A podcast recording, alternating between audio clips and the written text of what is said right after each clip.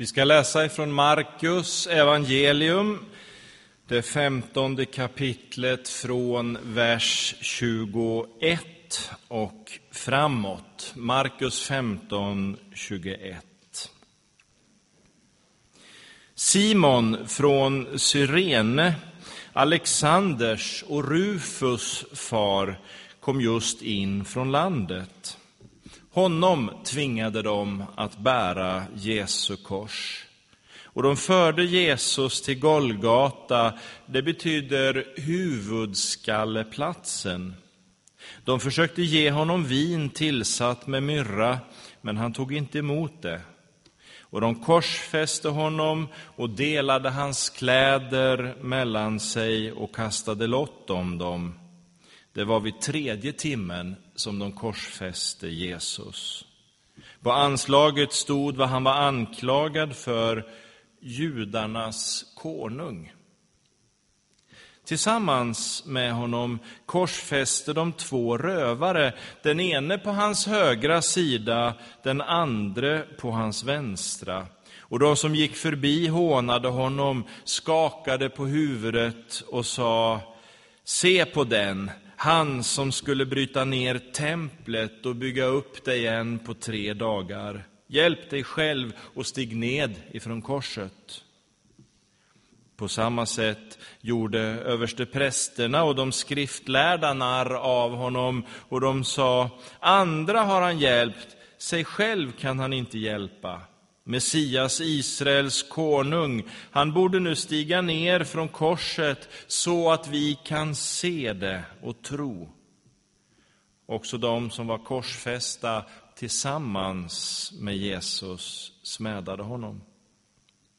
Vid sjätte timmen kom över hela landet ett mörker som varade till nionde timmen, och vid nionde timmen ropade Jesus med hög röst Eloi, Eloi, lema sabachthani.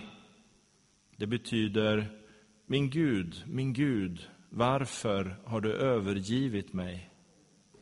Några som stod där hörde det och sa, hör, han ropar på Elia. En av dem sprang då och fyllde en svamp med ättiksvin, fäste den runt ett spö och gav honom att dricka och sa, Låt oss se om Elia kommer och tar ner honom. Men Jesus ropade med hög röst och gav upp andan. Då brast förlåten i templet i två stycken, uppifrån och ända ner. När officeren som stod mitt emot honom såg att han gav upp andan på ett sådant sätt sa han, den mannen var verkligen Guds son. På avstånd stod även kvinnor och såg på. Bland dem var Maria från Magdala och den Maria som var Jakob den yngres och Joses mor samt Salome. De hade följt Jesus och tjänat honom när han var i Galileen. Där var också många andra kvinnor som hade gått upp till Jerusalem tillsammans med honom. Låt oss be.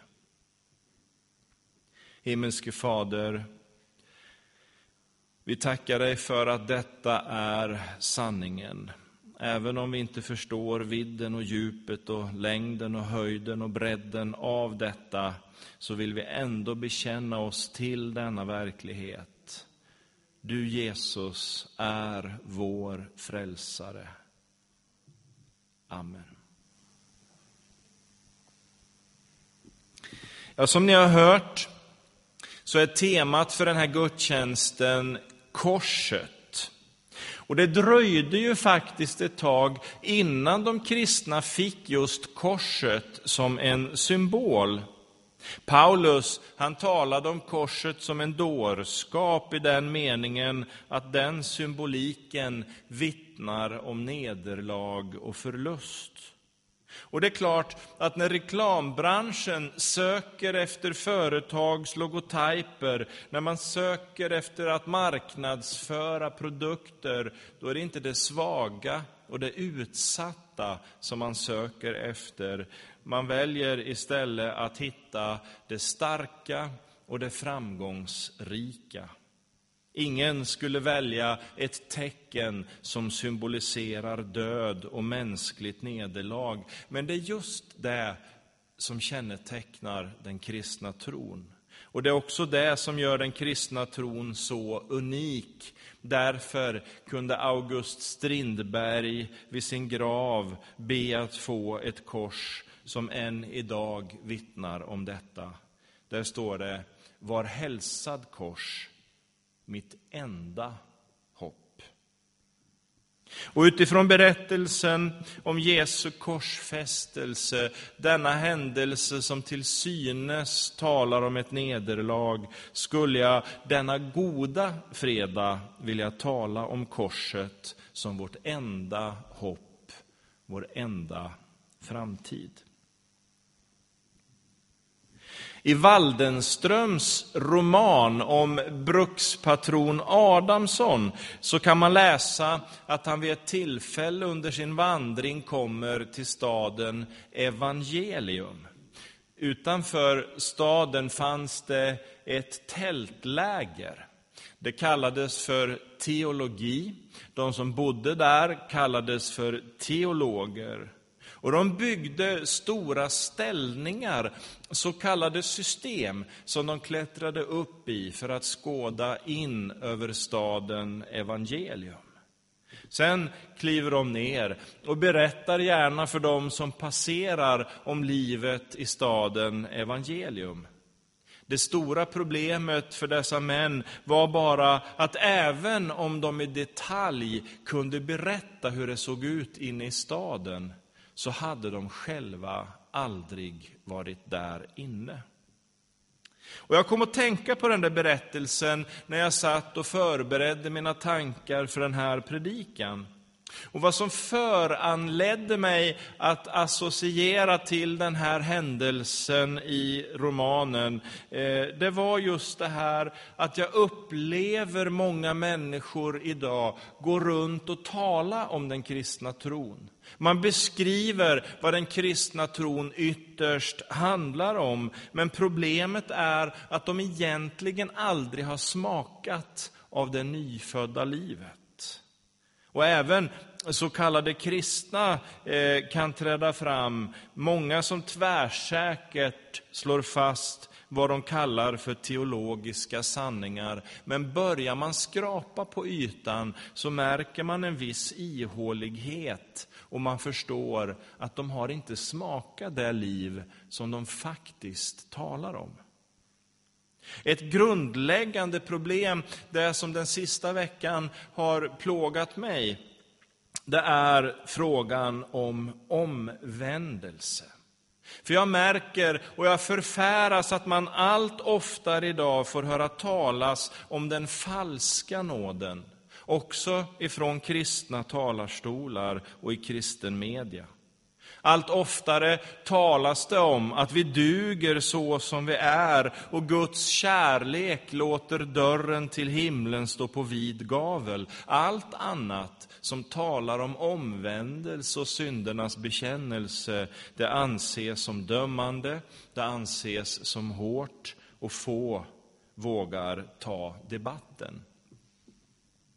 Igår berättade jag för någon att det på mitt visitkort står några ord som jag tycker väldigt mycket om. Det står Endast den som simmar mot strömmen kommer till källan. Det där uttrycket blev jag varse för några år sedan och jag kände genast en glädje och samhörighet över tanken. För att komma till källan måste man omvända sig. Och man måste kämpa mot den kraftiga och strida strömmen. Precis som Jesus själv talar om i bergspredikan, när han säger att vägen till fördärvet är bred, medan vägen till livet är smal och porten dit är trång. Nu tror jag att de flesta människor i grunden har en längtan efter och en vilja att se människor få gemenskap med Gud. Jag har inte rätt att stå här och peka finger åt något enda håll, för det är bara Gud som får döma. Men samtidigt har vi ett ansvar för att lyssna till vad Anden har att säga till församlingen. Och vi behöver vara noga med att se vad det är som Bibeln verkligen vittnar om, så att vi inte hamnar snett. Och det är på den punkten som jag oroas idag att det blir allt för vanligt med skeva och förmänskligade tolkningar, ungefär som teologerna från sina system. Man har ett språk som gör att det är lätt att lockas att tro att det bygger ju faktiskt på biblisk grund vad de säger. Och så förleds man in i detta om man inte är andligt klarsynt och vaken. Jag menar att vi ska inte vara så som Waldenströms teologer som står vid sidan om och tycker och tänker både det ena och det andra. Nej, Gud har kallat oss in i staden evangelium. Han har kallat oss att leva livet mitt i dess centrum. Och som jag sa nyss är det ett grundläggande problem att vi inte längre hör det omtalas så mycket att vi behöver omvända oss. Det räcker inte med att gå runt och bara veta vem Jesus är. Jag behöver få insikten om att jag är en syndare som är på väg att gå förlorad. Och i detta är korset min enda tillflykt och mitt enda hopp. Och för att komma till korset måste jag omvända mig och börja gå mot strömmen. Genom den trånga porten, in på den smala vägen. Därför äger orden av August Strindberg en djup sanning. Var hälsad kors, mitt enda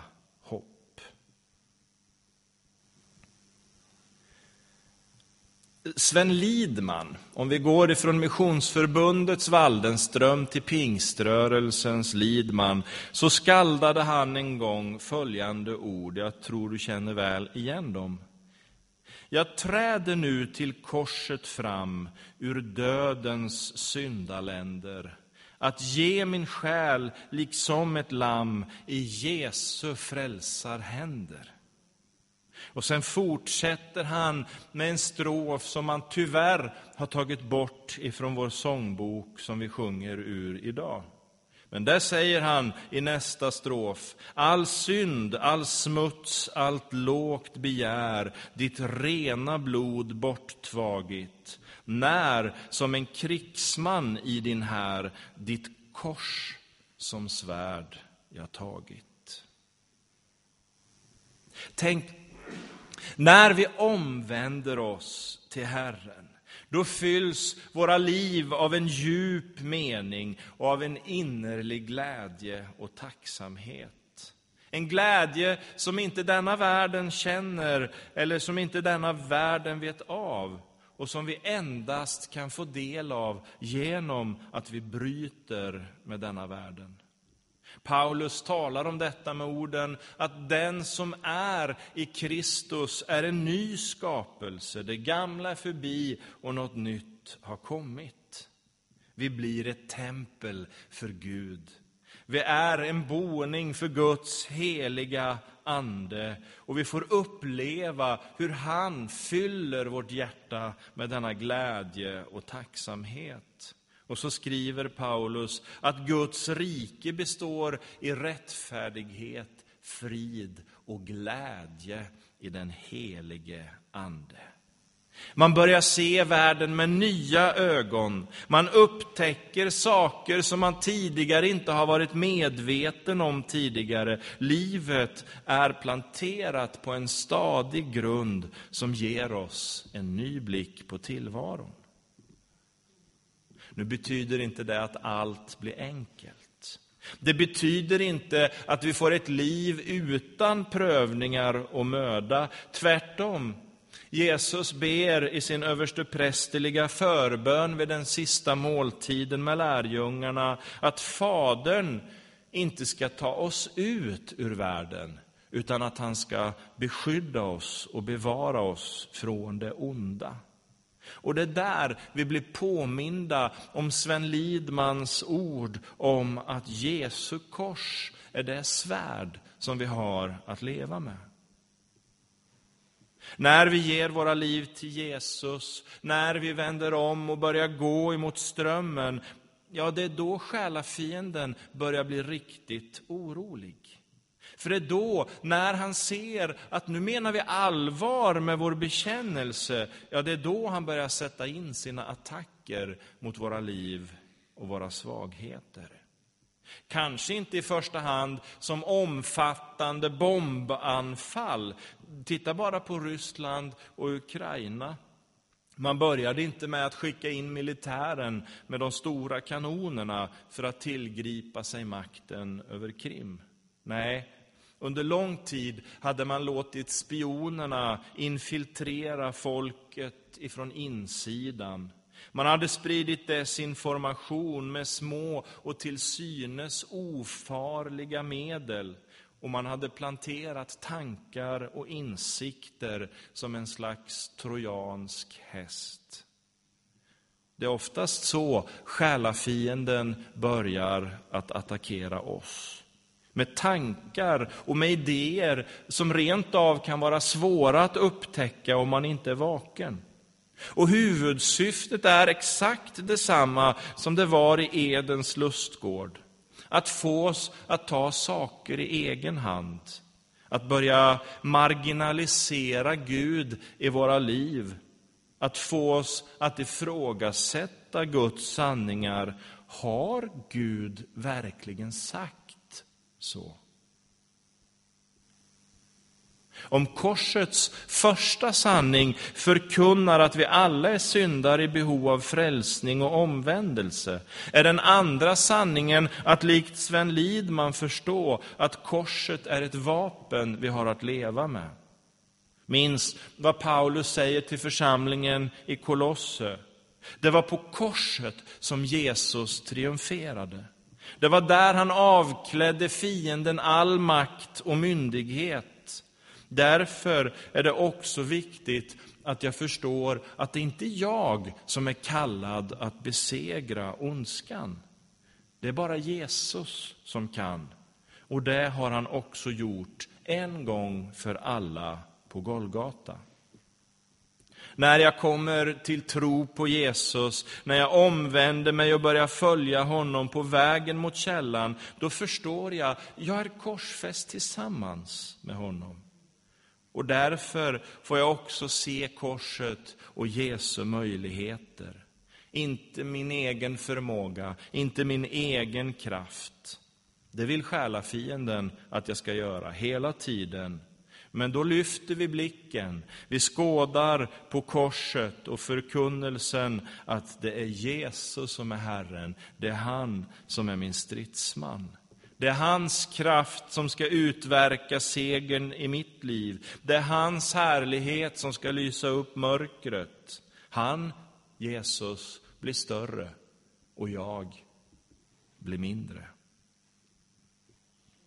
Där, i den vetskapen, skriver Sven Lidman, jag svär dig trohet, ödmjukhet och lydnad in till döden, från denna stund för evighet.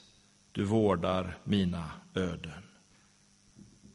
Korsets första sanning om omvändelsens nödvändighet, korsets andra sanning om att Jesus strider i mitt ställe, leder oss in till den tredje och sista sanningen av korsets förkunnelse inför den största fråga som jäckat mänskligheten, frågan om döden, så är det enda svaret att Golgata kors uppenbarar nåden som den enda grunden för min salighet och evighet. Därför säger Sven Lidman, nu all min synd du tagit har, av fröjd vill hjärtat gråta. Jag är ditt barn, du är min far. O salighetens gåta. När döden en gång kommer finns det bara ett enda jag kan lita på, och det är Guds nåd. Hur mycket en människa än strävar efter att få komma in i Guds rike, hur stora rikedomar av kunskap och pengar hon äger, så finns det ingenting av det vi har som kan blidka Guds vrede. Inget annat än det beslut som han själv har fattat och som han förkunnar genom profeten Hosea. Där säger Gud, jag vill hela dem från deras avfall. Jag vill älska dem av fri vilja, ty min vrede har vänt sig ifrån dem. Jag ska bli som dagg för Israel. Han skall blomstra som en lilja, han ska skjuta sina rötter som Libanon. Jag vill älska dem av fri vilja, ty min vrede har vänt sig ifrån dem. Av fri vilja. Ej silver, ej guld har förvärvat mig frälsning, skrev Anna Ölander för hundra år sedan och fortsätter. Ej jordiska skatter har friköpt min själ. Nej, blodet på korset är priset jag kostat. Den enfödde sonen gavs ut för mitt väl. Jag vill älska dem av fri vilja, säger Herren. Och Lydia Littell fortsätter. Det enda som bär när allting annat vacklar, det är Guds nåd och Guds barmhärtighet. All jordisk berömmelse och glans den slocknar när sist jag står hos Gud i härlighet. Det enda jag vet är att nåden räcker, att Kristi blod min synd, min skuld nu täcker. Det enda jag har att lita till en gång, det är Guds nåd. Guds gränslösa nåd. Låt oss be. Himmelske Fader, vi tackar dig för din nåd och barmhärtighet.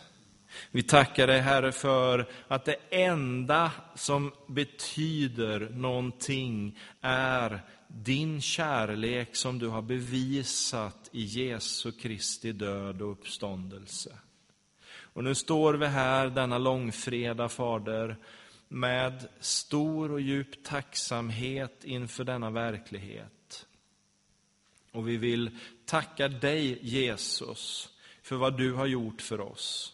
Vi vill tacka dig, Jesus, för att du inte lät dig besegras på något enda område. För din kärlek till oss är större än syndens makt.